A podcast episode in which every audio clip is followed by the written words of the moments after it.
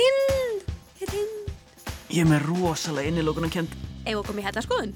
Ekki bergmálið. Taktu með höfðiljósið. Það er myrkur þarna niðri. Hvað gerist ef við erum batterislaus? Sjáðu, sjáðu, ég get gert svona. Alveg sjálf. Ég sé ekki handa minna skil. Get ég búið til helli sjálf. Og á, við erum búin að skoða sem marga hella.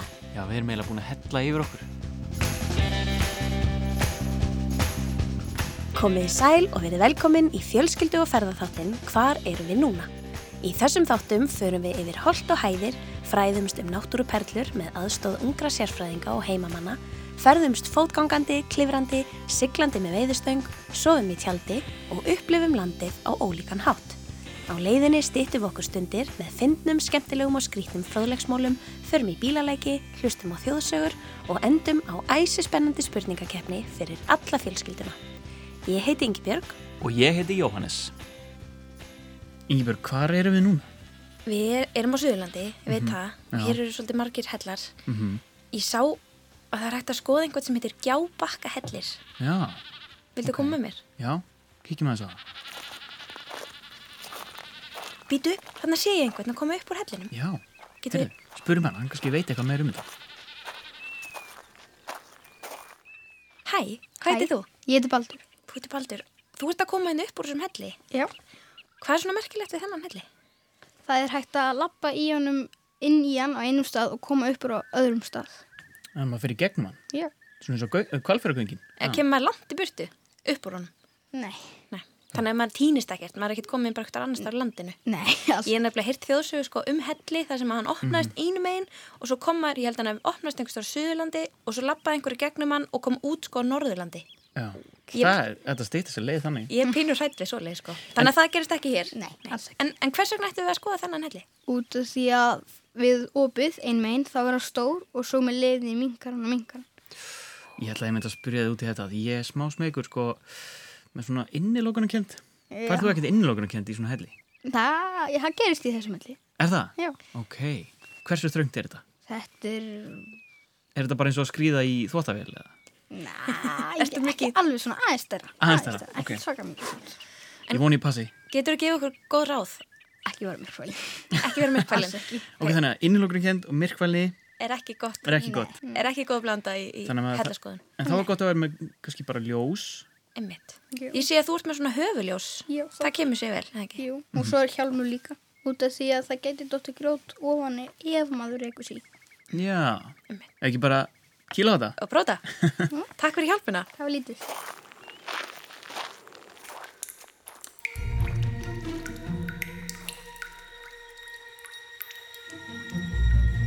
Ég heiti Baldur og ég er tíra. Ég hef heimsótt nokkra hella en man ekki allir hvað það heita allir. En mér langar að nefna fjóra hella. Tveir eru á Suðurlandi og tveir í Borgarfyrði, rétt hjá sveitinni hjá Mafa. Einn heitir Gjábakkahellir. Gjábakkahellir er um 360 metra á lengd og er staðsettur á milli Þingvatna og Laugavatns. Lyngdalsegi heiti það. Hellin var til við það þegar hraun rann úr eldgósi og það myndaðist hraungangur sem er hellirinn. Nokkrar mismunandi steintegundir finnast í honum eins og til dæmis kopar en ég man ekki hinnar. Svo hef ég heimsótt, heimsótt Rauvarhólshelli sem var líka til við raun, raunrensli en maður getur ekki lappað svona í gegnum hann eins og gjábakkahelli. Rauvarhólshellir er 1360 metrar langur og þar sem hann er stæðstur er hann 30 metra breiður og 10 metra hár. Hann var mjög flottur þar sem var búið að setja göngupalla og ljós til að lýsa hann upp. Hann er líka eitt af stærstu hraunhellum á Íslandi. Surshellir er ein eitt þekktasti hellir á Íslandi og er í Hallmundarhraunni. Hann er 1970 metrar á lengd og er um á 40 metrar dýpi.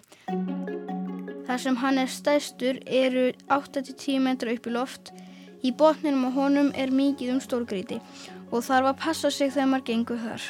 Innst í honum myndast ístrítur þar sem eru eins og grílukerti og er það svæði stundum kallað ísellir.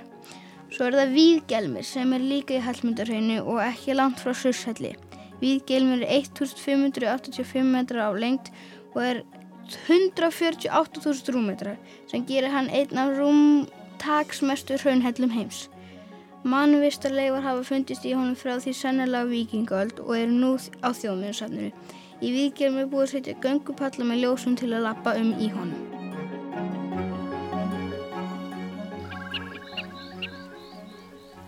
Vá, þetta var svolítið rosalegt. Já, Hei, við komum upp úr á sama stað og við fórum onni í hellin. já, en ekki hvað.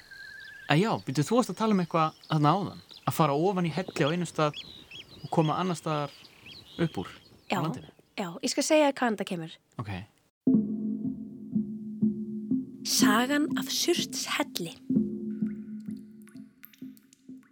Sumir segja að Surts hellir byrja á Vesturlandi og sé svo langur að ef maður fari inn í hann þá komi maður út alveg hinum einn á landinu, á Langanesi á Norðausturlandi.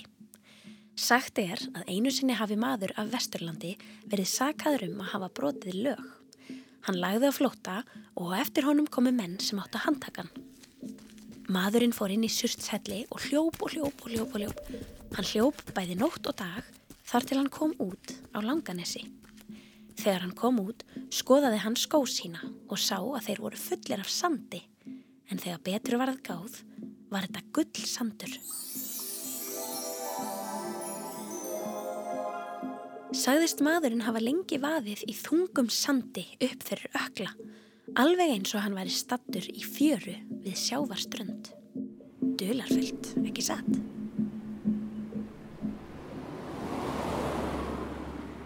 Vissir þú að það eru mjög flottir hellar bara rétt hjá höfubraksvæðinu?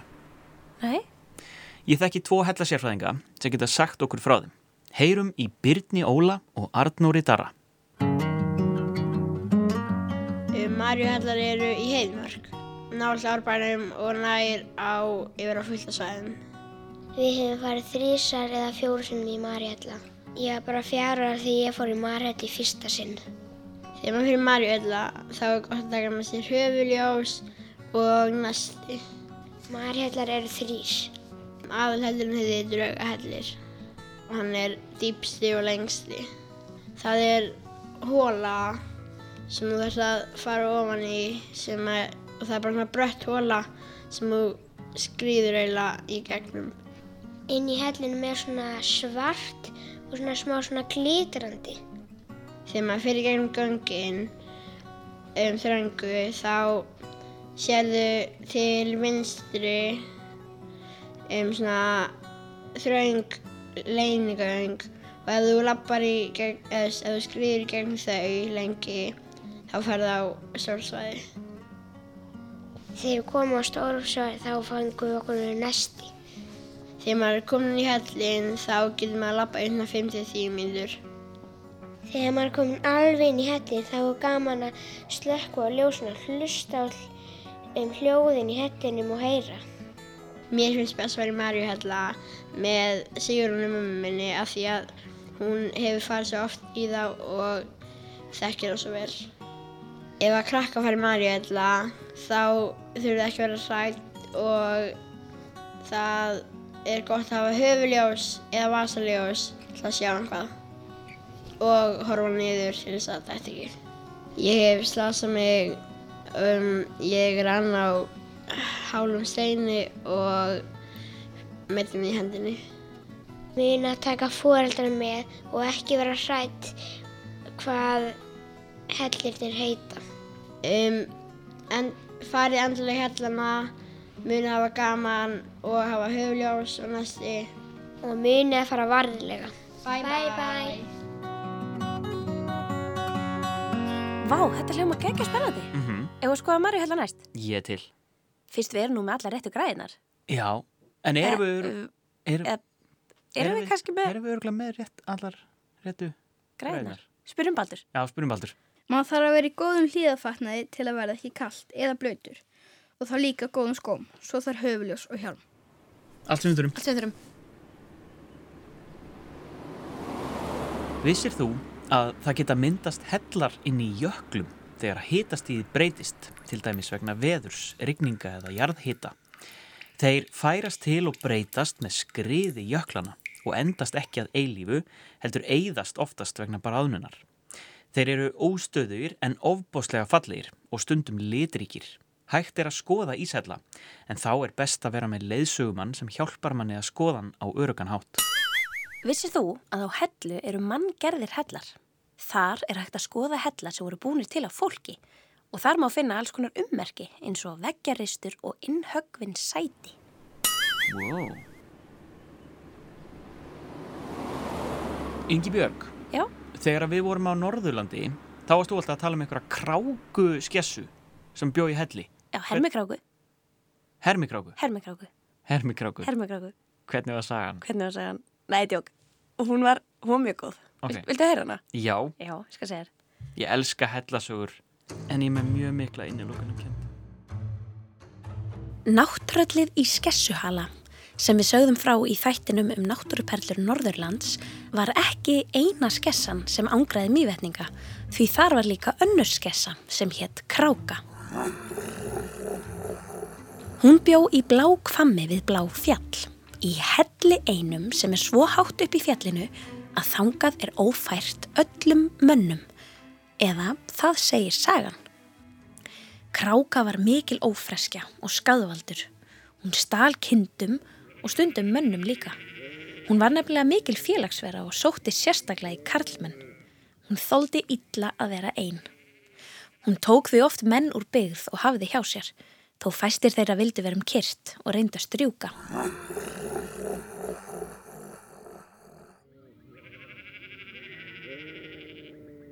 Einu sinni náði kráka manni frá Baldurs heimi sem hétt Jón þegar hann var við vinnu sína að gæta kindana. Hún tók hann heim í hellin sinn og vildi gera allt fyrir hann. Hann vildi það hins vegar ekki og borðaði ekkert af matnum sem kráka lagði á borð fyrir hann. Hvað ætla hún þykir gott að borða?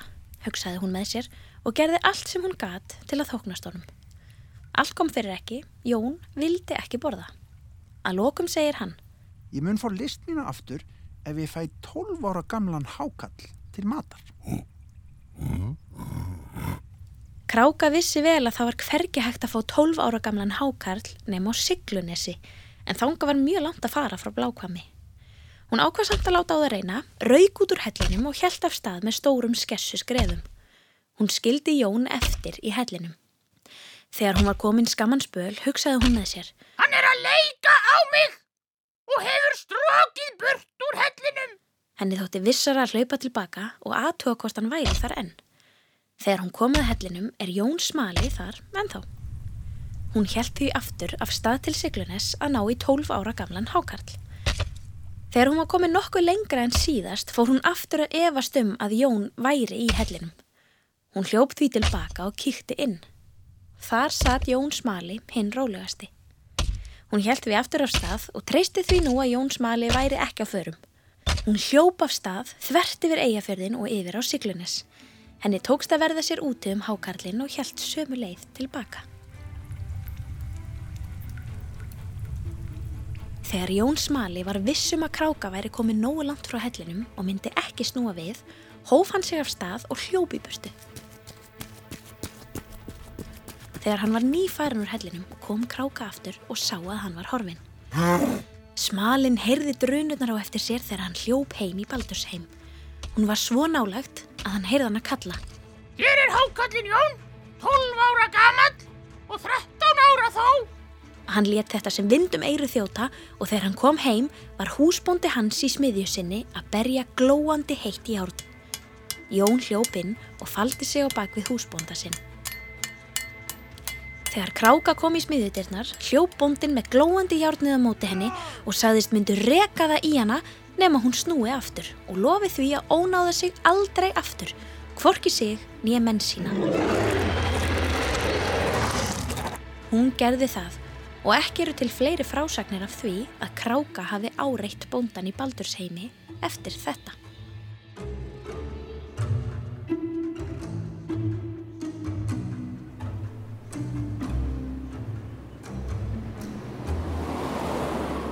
Vissir þú að á milli laugavats og þingvalla eru hellar sem fólk bjó í fyrir ekki svo löngu síðan, bara hundra árum. Í laugarvatshellum fættust börn og fólk rak vegasjópu þar fyrir ferðalangana við þjóðvegin. Vissir þú að það er til hellir sem heitir sóttarhellir. Sagan segir að einu sinni hafi átjón manns farið í fjallgöngu í fljótslýð og fundið helli til að kvíla sig í. Út úr hellinum sáu þau æfa forna tröllkonu sem flestum fannst eitthvað asnaleg og gerðu grínaðinni. Einn þeirra tók ekki þátt í gríninu og reyndi að segja hinum að stoppa sem þau gerðu ekki. Tröllkonan lagði álög á þau og drepsótt lagðist yfir þau öll, svo allir dóu í hellinum. Nema sá eini sem hafði ekki gert grín að tröllskessunni. Síðan þá hefur hellirinn heitið Sóttarhellir.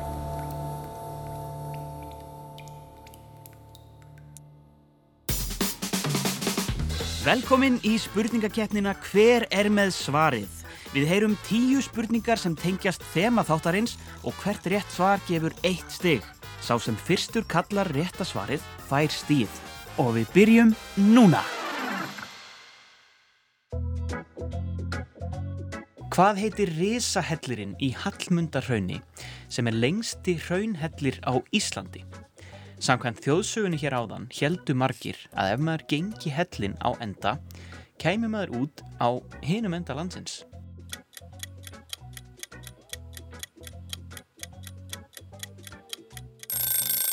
Surtshellir.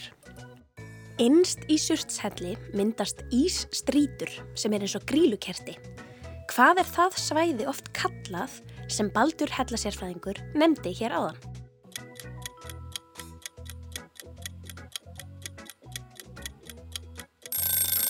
Íshellir. Í þjóðsögunni um skessuna kráku sem stál kindum og fólki fer skessan með Jón frá Baldursheimi í helli sinn.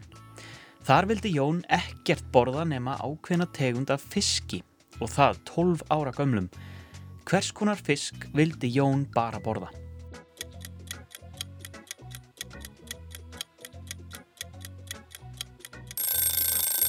Hákarl. Hvað heita hellarnir sem finna má í heiðmörk þar sem innsti og stærsti hellerinn heitir draugahellir? Vísbending, nafnið byrjar á konunafni.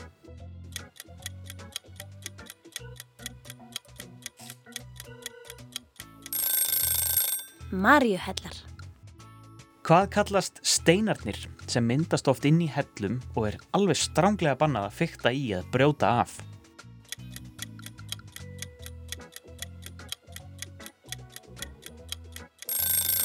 Drópasteinar. Hvaða verur úr íslensku þjóðsögunum er talið að búi gjarnan í hellum, öruglega til þess að sólarljósi náu þeim ekki?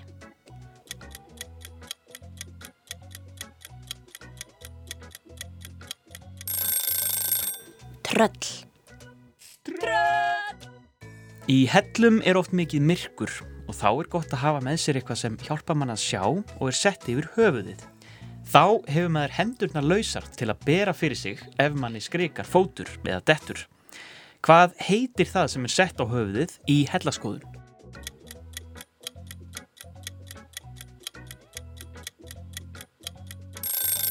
Höfuðljós. Inn í hellum er oft gaman að syngja og hafa hátt því þá gerist svolítið skemmtilegt.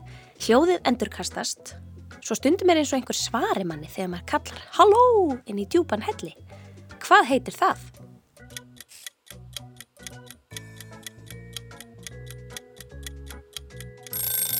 Bergmál. Bergmál. Sumum þykir rosalega erfitt að fara niður í hella vegna þess að þau upplifa tilfinningu sem er svo litið óþægileg og kemur ef manni finnst maður vera alveg lokaður inni. Hvað kallast svo tilfinning?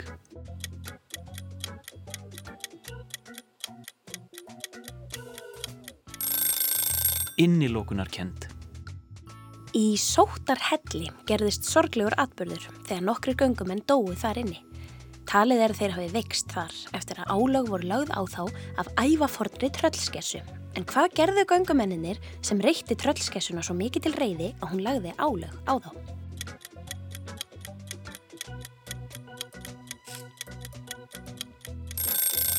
Gerðu grín að henni.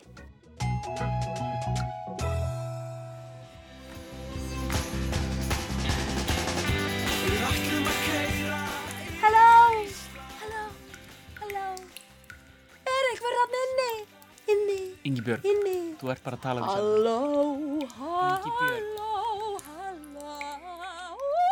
Ingi Björg, Já, já. getum við farið út úr hellinum? Ég er að fá innilókunarkjöndina. Farð þú þá út? Veistu hvað, ég er að njóta mín mikið hérna. Ég þarf að syngja þess meira. Farð þú bara út. Ok, ég farin. Halló.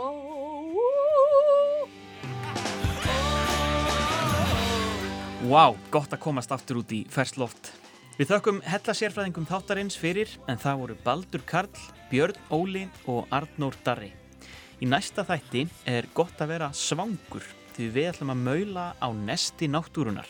Tína fjallagrös, sveppi, ber og læra um það hvernig við getum borðað frýtt og jafnvel lagað magakveisu og kvef. Þið getur svo hlusta á þennan þátt og alla hína þættina af hvar eru við núna á krakkarúf.is í appinu og öllum helstu hlaðvarpsveitum. Jæja, Ingi Björg, hvað er nú að koma út? Halló. Jái. Hvar ertu? Ertu, ertu. Það er myrkur hér. Ég er hérna, hérna.